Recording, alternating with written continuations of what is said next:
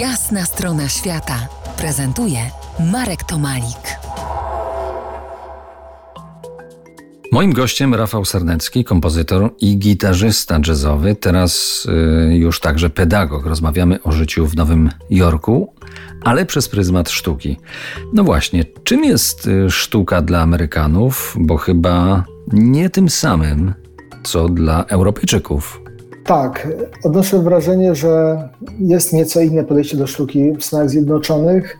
Często mówiąc o, rozmawiając o muzykach w Nowym Jorku, mówi się, na przykład o, on, ten muzyk ma dużo pracy, on dużo koncertuje.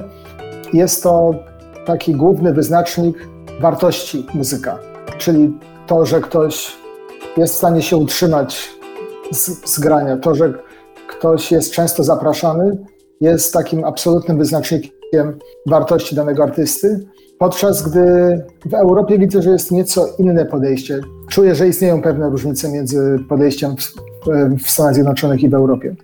Od ponad 10 lat jestem bardzo blisko festiwalu Jazzowa Jesień imienia Tomasza Stańko w Bielsku Białej, na backstage'u tak zwanym. Wielokrotnie miałem e, okazję przyglądać się muzykom amerykańskim. Być może grają oni w granicach swojej konwencji, ale zawsze są perfekcyjnie wykształceni warsztatowo. Podzielasz moją opinię?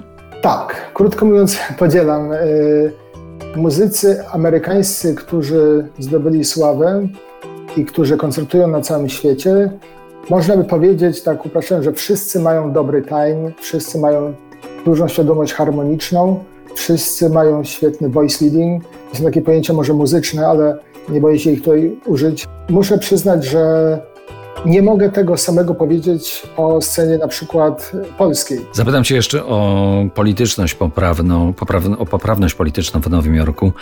Już mówiłeś, że nie za bardzo e, mile widziane jest krytykowanie drugiej osoby, a na co trzeba jeszcze uważać? Właśnie w Stanach jest to ciekawe, że na żarty można powiedzieć wszystko. Jak się mówi na serio, to trzeba bardzo uważać to, co się mówi. Wszelkie aspekty związane z rasą czy orientacją seksualną, w tych kwestiach trzeba bardzo uważać, co się mówi.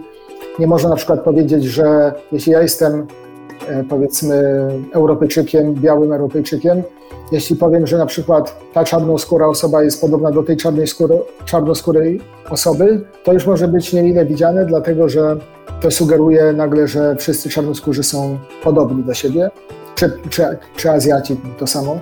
Więc jest wiele takich subtelności, o których na przykład Polacy mogą nie, nie wiedzieć i trzeba być świadomym tego, bo inaczej może wyjść jakieś fopa. No to mam nadzieję, że teraz nie wyjdzie, jeżeli zaproszę Was na kolejną rozmowę naszą o zawiłościach i subtelnościach Nowego Jorku za kilkanaście minut.